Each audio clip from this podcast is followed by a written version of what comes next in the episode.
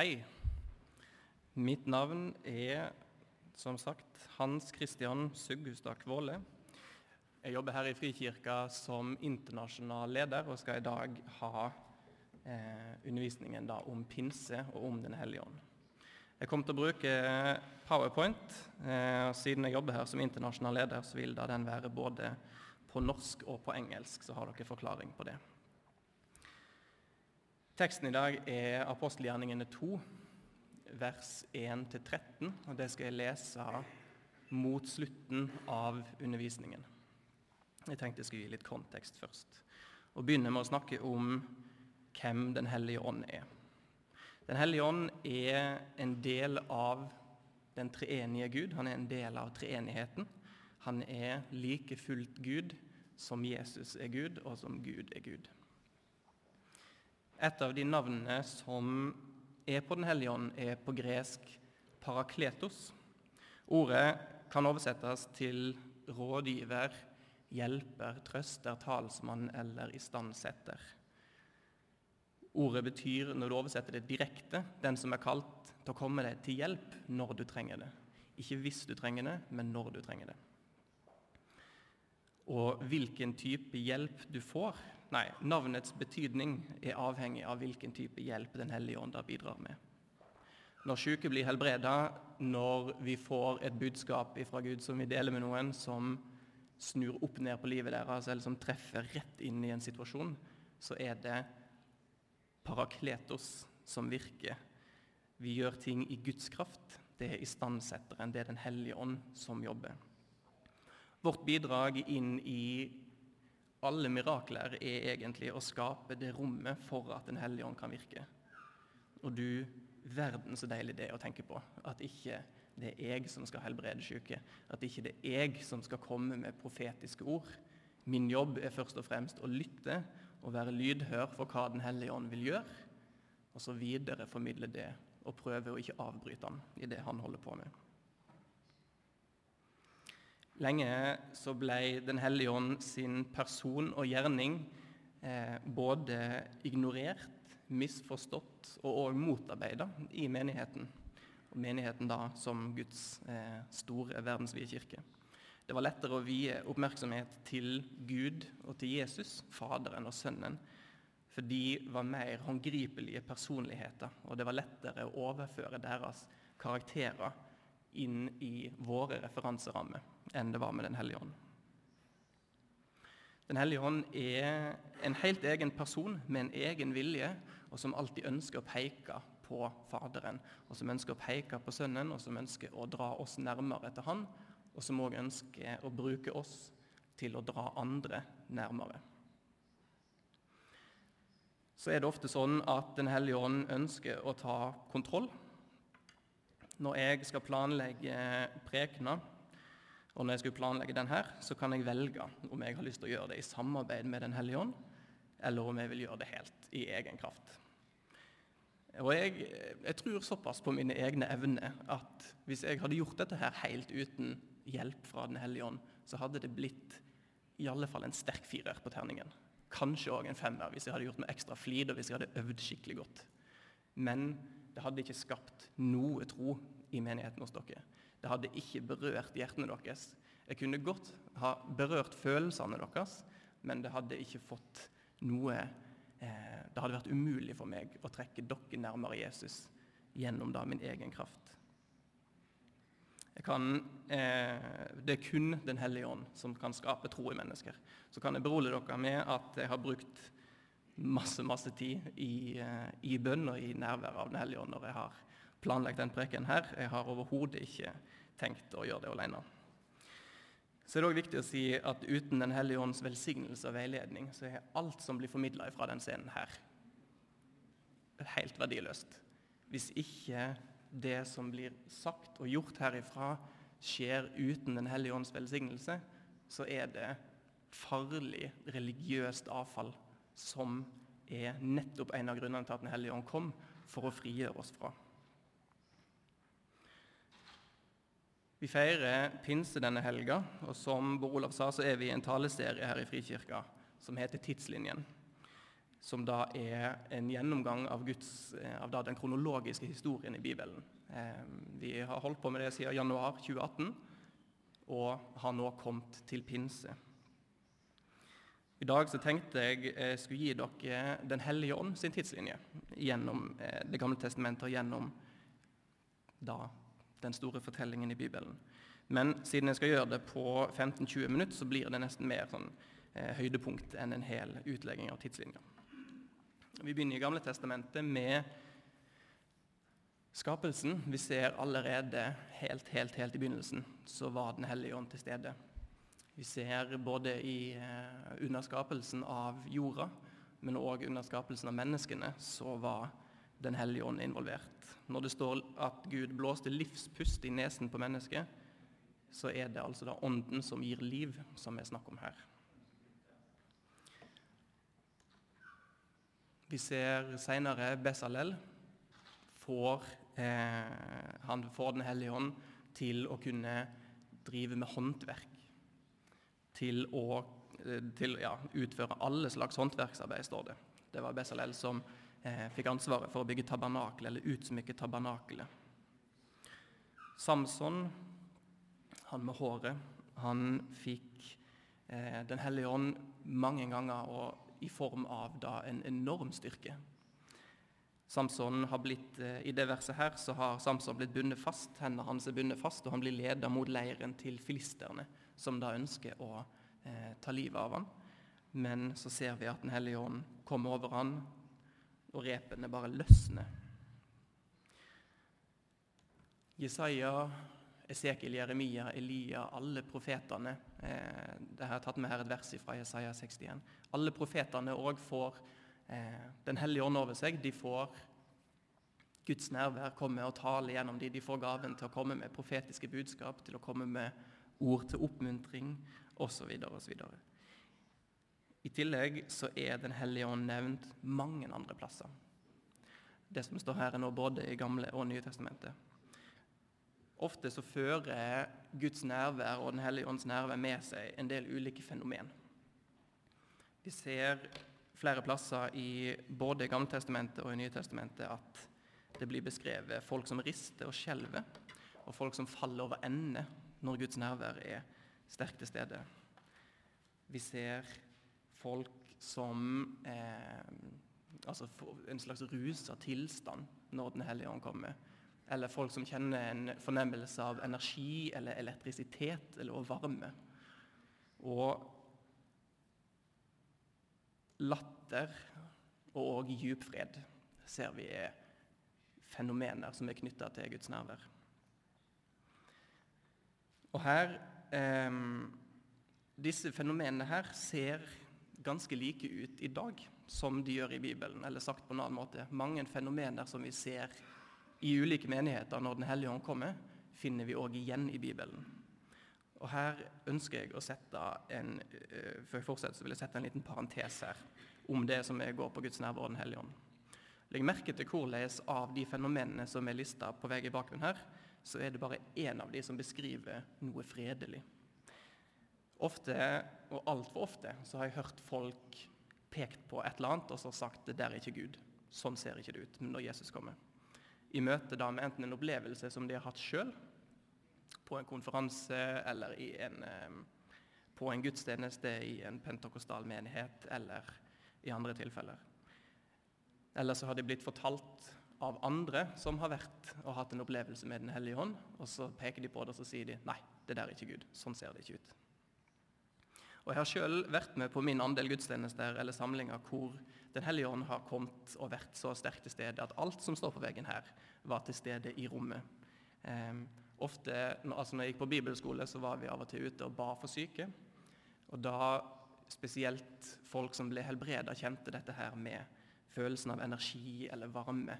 Som f.eks. når vi ba for en som hadde um, senebetennelse. Så kjente han etter, sa han etterpå det at det var som en varme som gikk gjennom armene mine, og etterpå så var senebetennelsen helt vekk.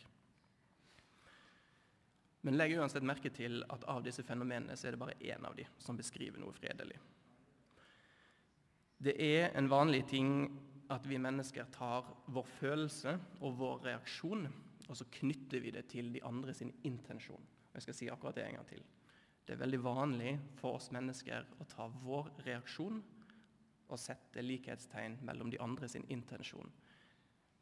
På veggen her så har jeg brukt eksempelet med at i tilfeller hvor jeg kan føle meg såra, så er det ofte veldig kort vei ifra å, tenke, ifra å kjenne på den sårheten og så tenke at han eller hun ønska med vilje å såre meg. Det de gjorde nå, det var absolutt ikke et uhell eller jeg misforsto noe. Og veldig mange har hatt møte med Den hellige ånd som har gjort de redd. De har vært, enten de har møtt han sjøl, eller de har vært i et rom hvor andre har hatt en opplevelse med Den hellige ånd. Og de har kjent på en redsel, de har kjent på at de har blitt skremt. Og Her er det veldig viktig at vi klarer å ha to tanker i hodet på en gang. Folk eh, Vi vet at Gud ikke ønsker å skremme oss. Så den tankerekka der 'jeg kjenner meg redd', ønsker Gud å skremme meg? Nei. Den er helt rett.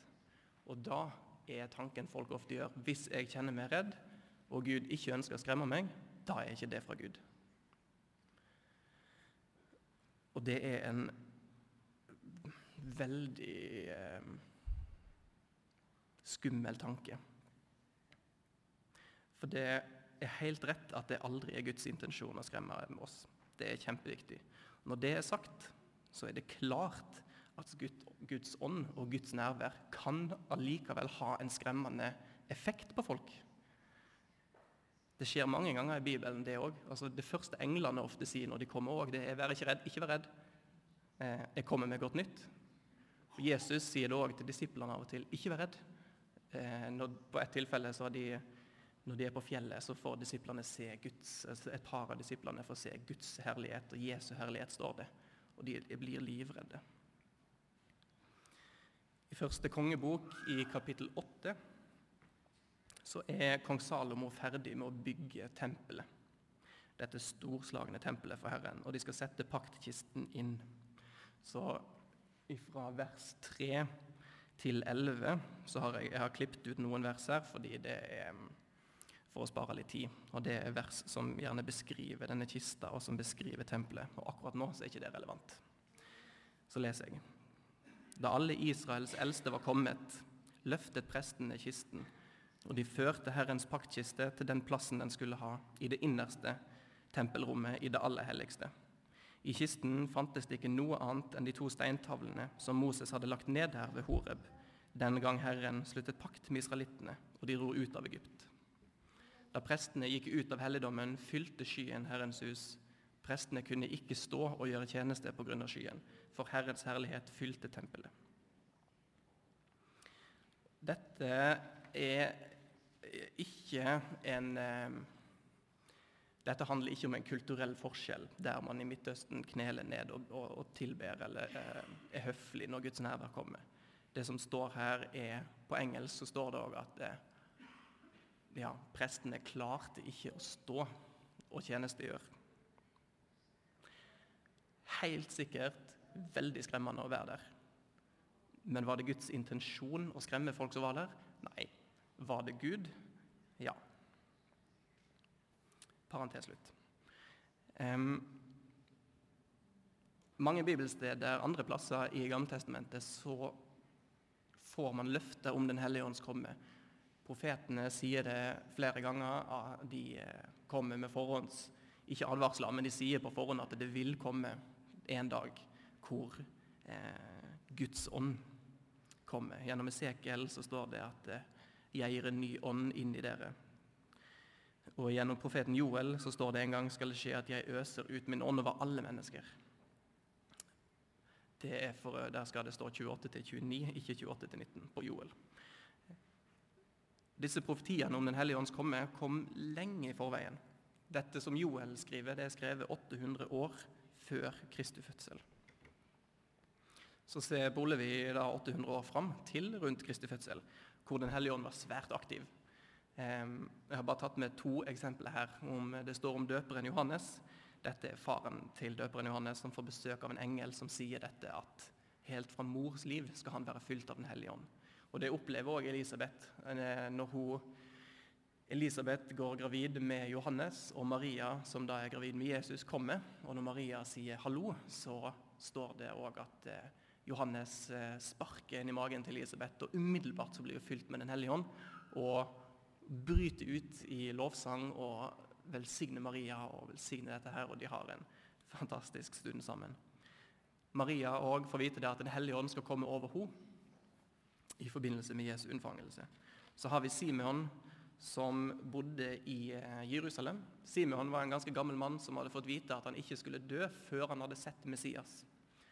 Og når da Jesus blir født, så tar Josef og Maria Jesus med seg til tempelet og eh, skal ha den vanlige jødiske ofringen som de da har, og får velsigna Jesus.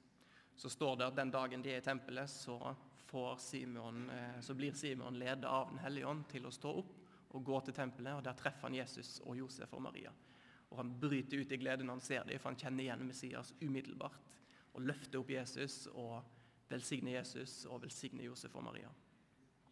Men fortsatt så var det bare noen få utvalgte som fikk ta del i Den hellige ånds verk. Den hellige ånd kunne ennå ikke flytte inn i oss mennesker fordi Jesus hadde ikke dødd ennå og tatt på seg vår synd og betalt vår pris. Vi hadde ikke ennå blitt forsona med Gud. Så fortsatt så var det en relasjon der Den hellige ånd av og til kom på besøk, med unntak av døperen Johannes bl.a. Og Etter hvert så kommer vi til pinsedag. Pentekost, som det heter på engelsk, og som ordet pinse òg kommer fra. Pentekost betyr femtiende, fordi pinseaften markeres på den femtiende dagen etter den jødiske påsken. Den jødiske festen som avholdes samtidig som vi feirer vår pinse, heter shabbat. Og Den markerer at jødene hadde hatt to måneder med knallhardt arbeid, for de hadde måttet få høsten innomhus. De måtte få kornet i hus, maten som de skulle ha til det neste år. Og De hadde jobba steinhardt, og når shabbat kommer, så drar alle sammen til Jerusalem for å feire denne lange at nå er det ferdig. Nå er vi ferdig med innhøstingen. Og Jerusalem er på den tida her en by med rundt en million innbyggere, pluss-minus 500 000, litt avhengig av hva, hvilken historiker du spør. Så jeg legger meg på midten og sier en million. I forbindelse med Shabbut så er antall mennesker i byen mye, mye, mye større. Det er helt stappfullt. Alle hus er opptatt. Antall språk som er til stede i byen den dagen, er omtrent likt antall land som man visste om i verden på den tida. Og her er det vi kommer til dagens tekst. Her er det vi skal lese, og dere får òg teksten på veggen.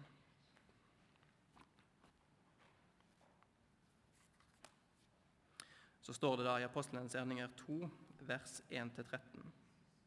Da pinsedagen kom, var alle sammen samlet på ett sted. Plutselig lød det fra himmelen som når en kraftig vind blåser, og lyden fylte hele huset hvor de satt. Tunger som av ild viste seg for dem, delte seg og satte seg på hver enkelt av dem. Da ble de alle fylt av Den hellige ånd, og de begynte å tale på andre språk ettersom Ånden ga dem å forkynne. I Jerusalem bodde det fromme jøder fra alle folkeslag under himmelen. En stor folkemengde stimlet sammen da de hørte denne lyden, og det ble stor forvirring. Ja, for hver enkelt hørte sitt eget morsmål bli talt. Forskrekket og forundret spurte de, er de ikke galileere, disse som taler? Hvordan kan da hver enkelt av oss høre sitt eget morsmål?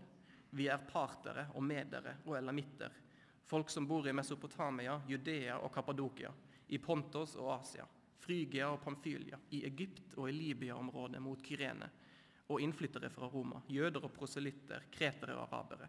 Og vi hører dem tale om Guds storverk på våre egne tungemål. De visste ikke hva de skulle tro, og forvirret spurte de hverandre hva er dette for noe. Men noen gjorde narr av dem og sa de har drukket seg fulle på søt vin.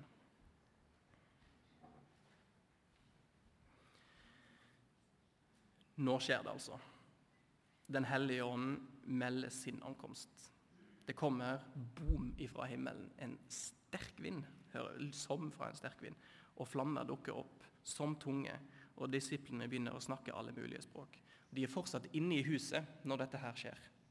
Men så skjer det som ofte skjer når Den hellige ånd kommer og slår ned i oss, at vi får åpenbaringen om Jesu kjærlighet, og følelsene og tankene spinner av gårde. Dette kan ikke vi sitte her og holde på. Vi må ut og fortelle, vi må ut og dele. Folket kommer strømmende til huset hvor de sitter, fordi de har jo hørt dette her. Eh, rabalderet og hva det er som skjer. Og Guds storverk blir forkynt på alle språkene som ble lest opp her. Folk blir forvirra, og ingenting gir mening. Og etter hvert så står da Peter frem, som for omtrent 50 dager siden eh, var han som benekta Jesus tre ganger. Og så sier han, slapp av, ikke vær redd. Dette er ikke skummelt. Dette er ikke noe nytt. Dette har blitt profetert. Og Det dere er med å oppleve nå, er det som profeten Joel skriver i sin bok. Og alle til stede kjente Joel godt, for de var fromme jøder, står det. En gang skal det skje at jeg øser ut min ånd over alle mennesker. Ikke kun de med teologisk utdanning, ikke kun de som har fått en spesiell gave. Alle mennesker. Deres sønner og døtre skal profetere, de gamle skal drømme drømmer, og de unge skal se syn. Selv over slaver og slavekvinner vil jeg i de dager øse ut min ånd. Peter holder en helt vanvittig god tale om Jesus, om Guds frelsesplan, og han forteller folkene om dette her. Og det står at det stikker folk i hjertene, og de spør hva kan vi gjøre? Vend om. La dere døpe i Jesu Kristi navn, så dere kan få tilgivelse og Den hellige ånds gave. Og den dagen ble det døpt 3000 mennesker, står det i de neste versene.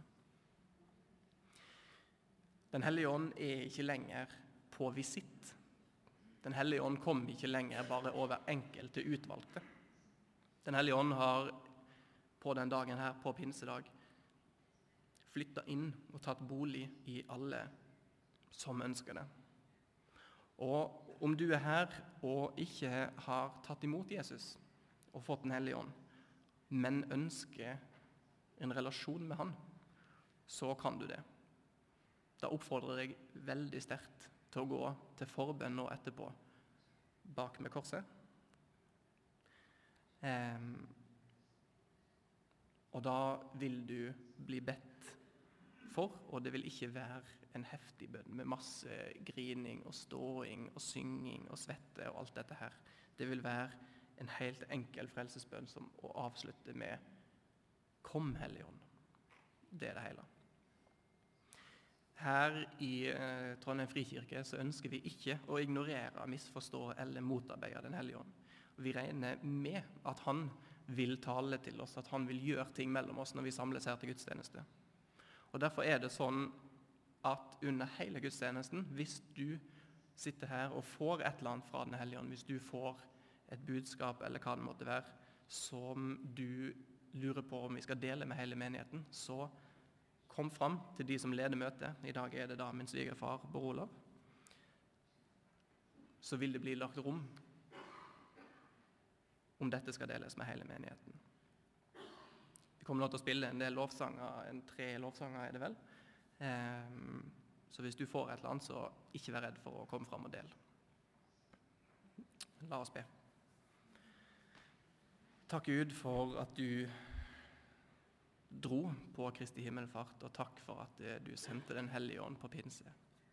Vi ber Jesus om at du må nå dra oss nærmere deg. Vi ber Hellige Ånd om at du må hjelpe oss å leve liv i tett relasjon med deg og i tett relasjon med Jesus. Vi ber om at du må velsigne oss og gi oss de gavene som du har for oss. Vi ber Jesus om eh, at du skal fylle oss med din fred, og at vi skal kjenne på frimodighet når det gjelder å dele det vi har fått med andre. Amen.